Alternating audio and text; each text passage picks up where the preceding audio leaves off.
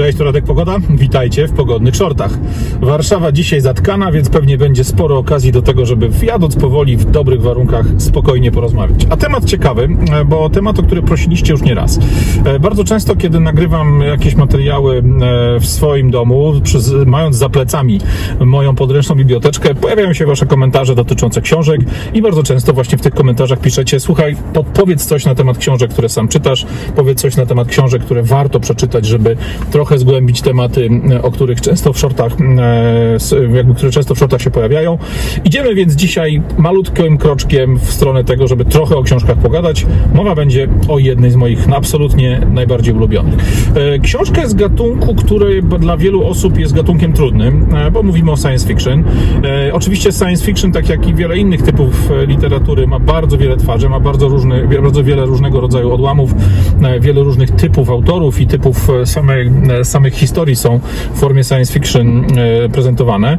E, natomiast dzisiaj będzie mowa o książce z mojego ulubionego gatunku, czyli trochę są książki z fantastyki socjologicznej. Tej, która niekoniecznie skupia się na takim prostym Crash Boom Bang e, opowieściach e, tak naprawdę westernowych, prostych historyjkach o podróży bohatera, tyle tylko, że rozgrywających się in a galaxy far, far away albo w czasach odległych nam od nas w przyszłość.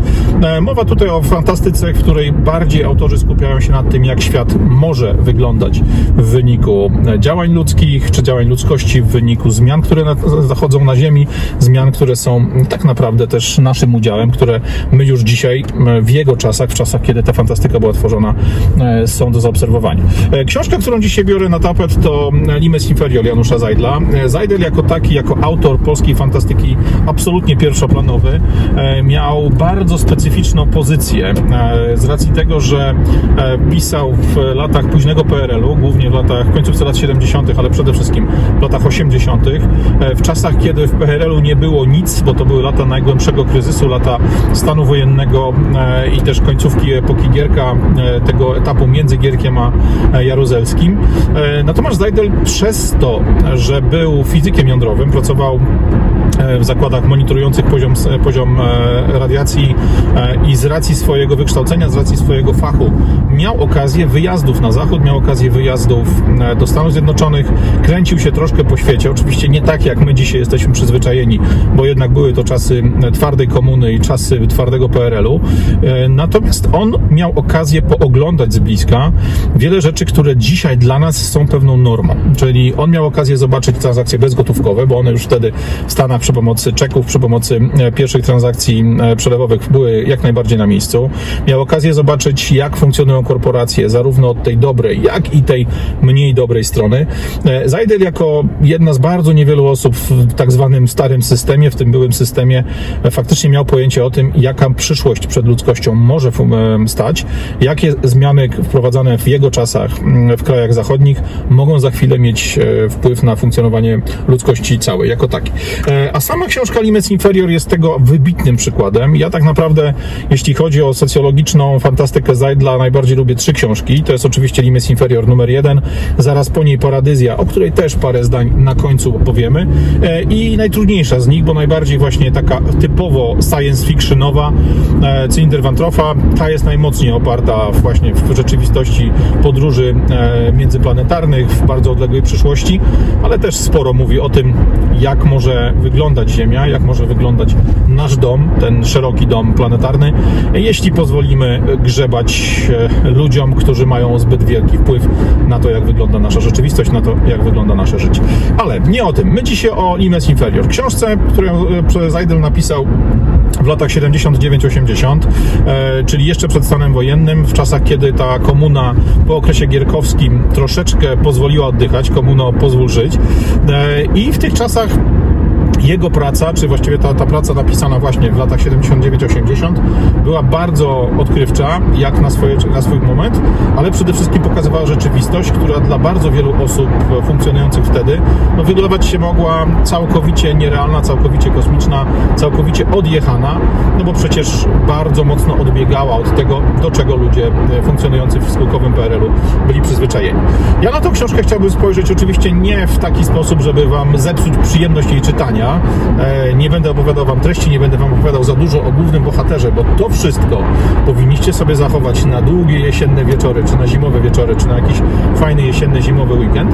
E, ale chcę się skupić na tym, jak fantastycznie Zajdel przewidział zmiany, które będą na świecie następowały e, i niestety jak wiele z tych zmian wtedy przez niego określanych jako właśnie fantastyka naukowa, jako science fiction, dziś stało się naszą rzeczywistością, dziś stało się naszą normą.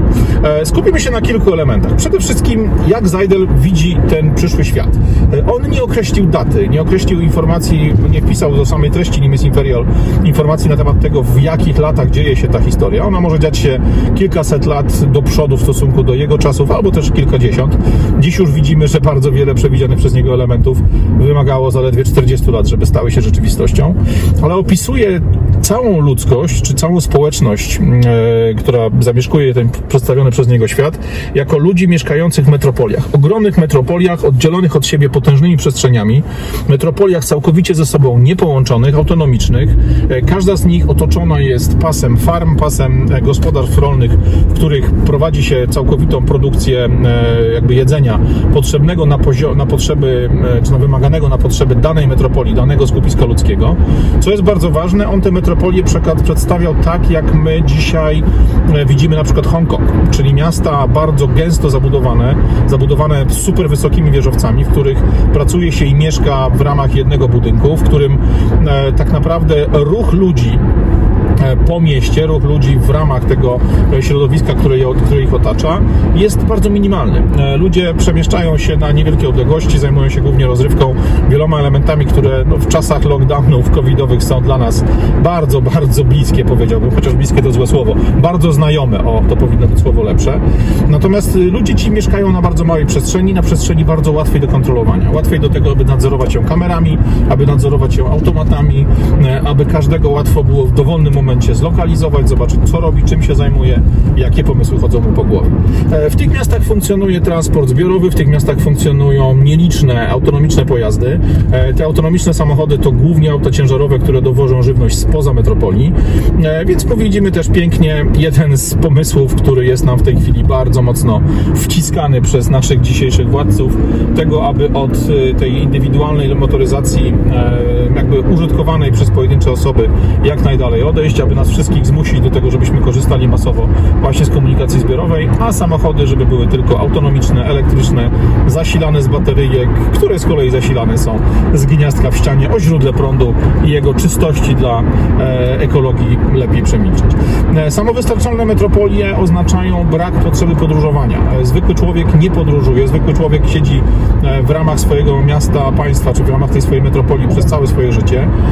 Nie funkcjonują wyjazdy urlopowe, nie funkcjonują funkcjonuje odpoczynek jakiś odległy, to co dla nas przez ostatnie kilkadziesiąt lat czy kilkanaście lat było pewną normą e, i też celem życia dla wielu moich znajomych na przykład.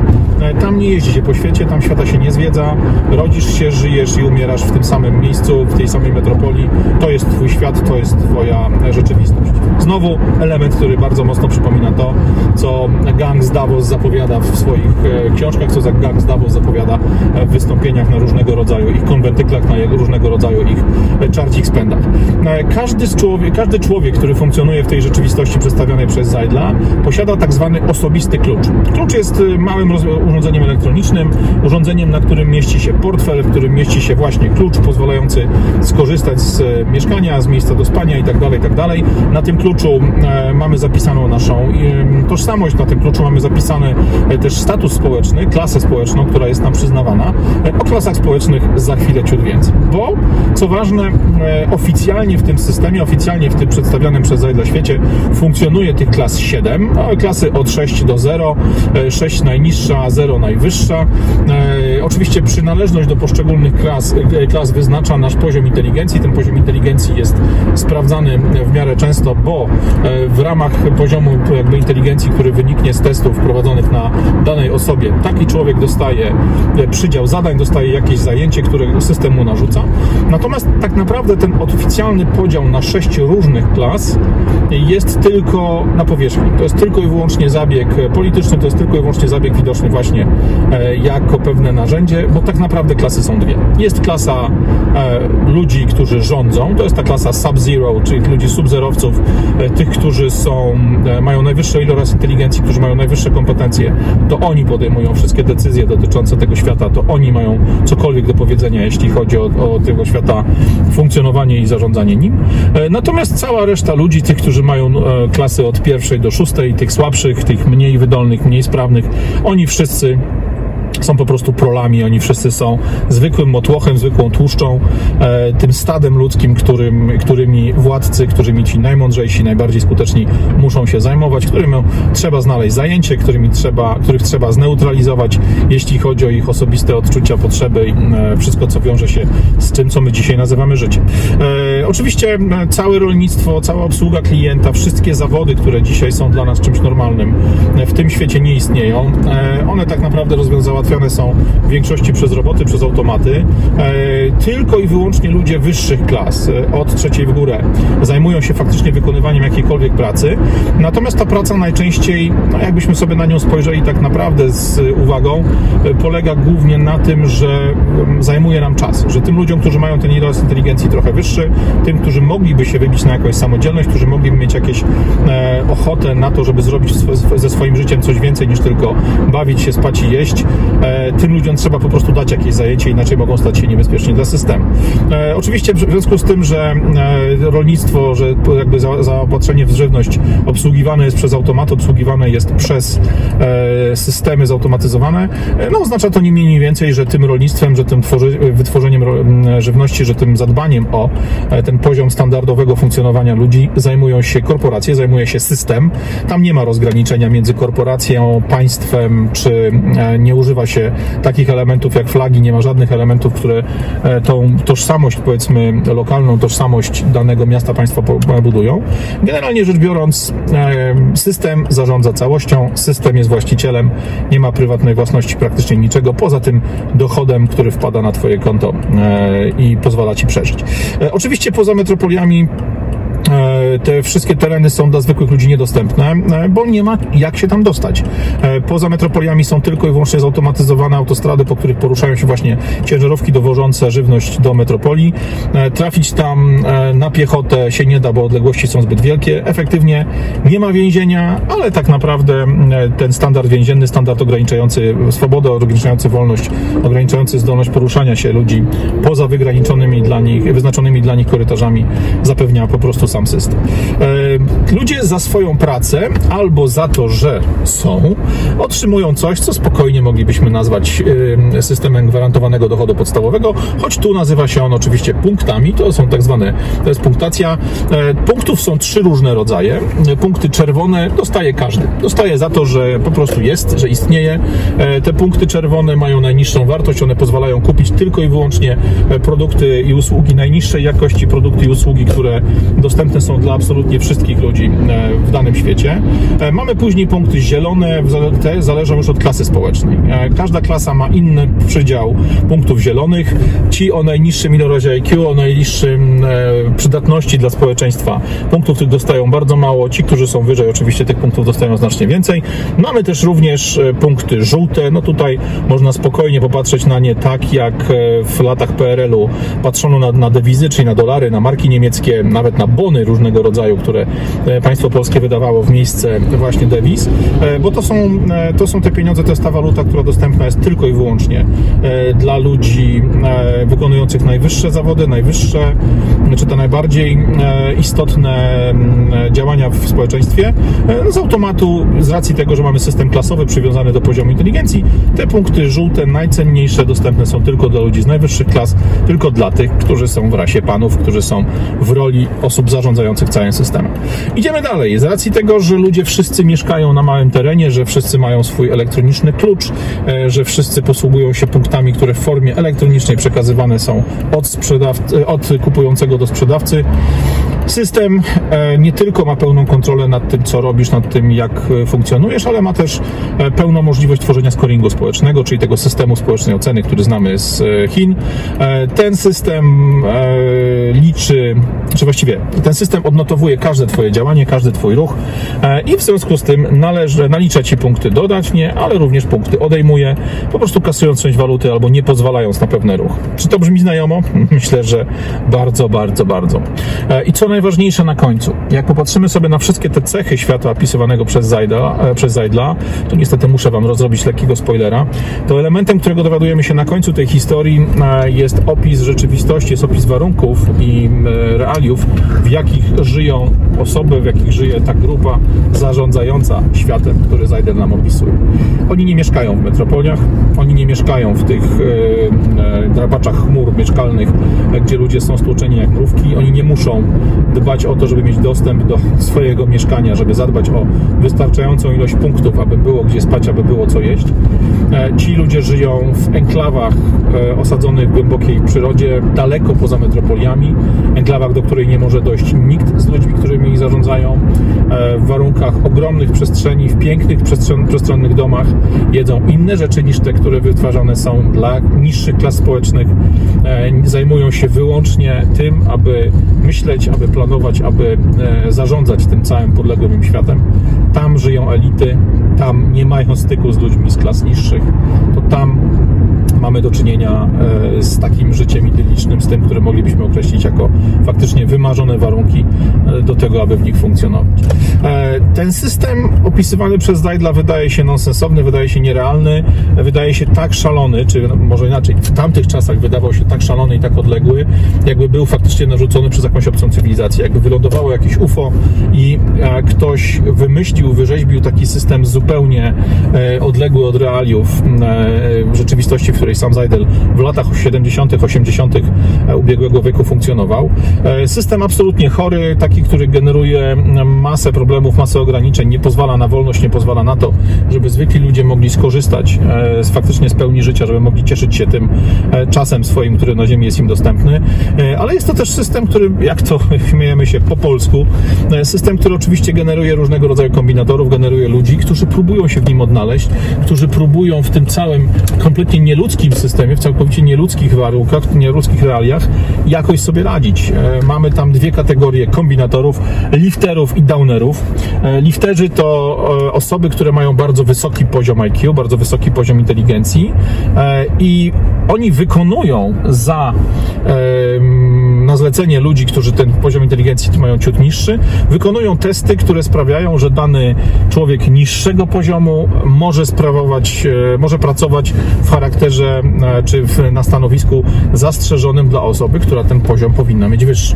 Oczywiście oprócz nich funkcjonują też downerzy, e, ludzie, którzy mają niski poziom IQ albo którzy potrafią zaliczyć dla ciebie test na wynik niższy niż twoja prawdziwa ranga, niż twoje prawdziwe umiejętności, tylko dlatego, żebyś nie musiał się zajmować niczym wyjątkowo trudnym, abyś mógł spokojnie e, zajmować się, o Jezus Maria, żebyś mógł spokojnie wykonywać robotę łatwą, prostą i przyjemną, jeśli akurat zdolności umysłowe, zdolności Twojej inteligencji są wyższe niż Twoja chęć do pracy. Po prostu ludzie, którzy sprawiają, że możesz być wiecznym leniwcem, wiecznym e, e, birbantem, możesz spokojnie i bez żadnego problemu zajmować się rzeczami przyjemnymi, żyjąc sobie na jakimś tam gwarantowanym dochodzie podstawowym, na niskim poziomie, ale nie zajmując się faktycznie niczym istotnym.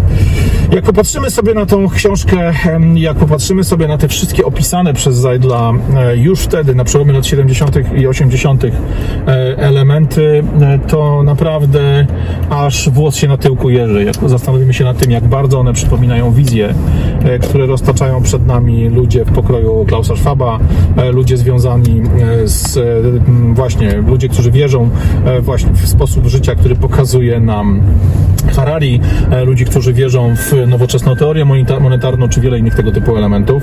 Przerażające jest tylko to, że od tamtej pory minęło lat 40 i coś, co miało być głęboką fantastyką naukową, co miało być e, science fiction odległym o dziesiątki albo nawet setki lat, stało się nagle naszą rzeczywistością. E, mam nadzieję, że te wszystkie informacje sprawiły, że zachęciłem Was trochę do Zajdla. Ta książka Limes Inferior jest absolutnie warta przeczytania, absolutnie warta tego, żeby się z nią zapoznać.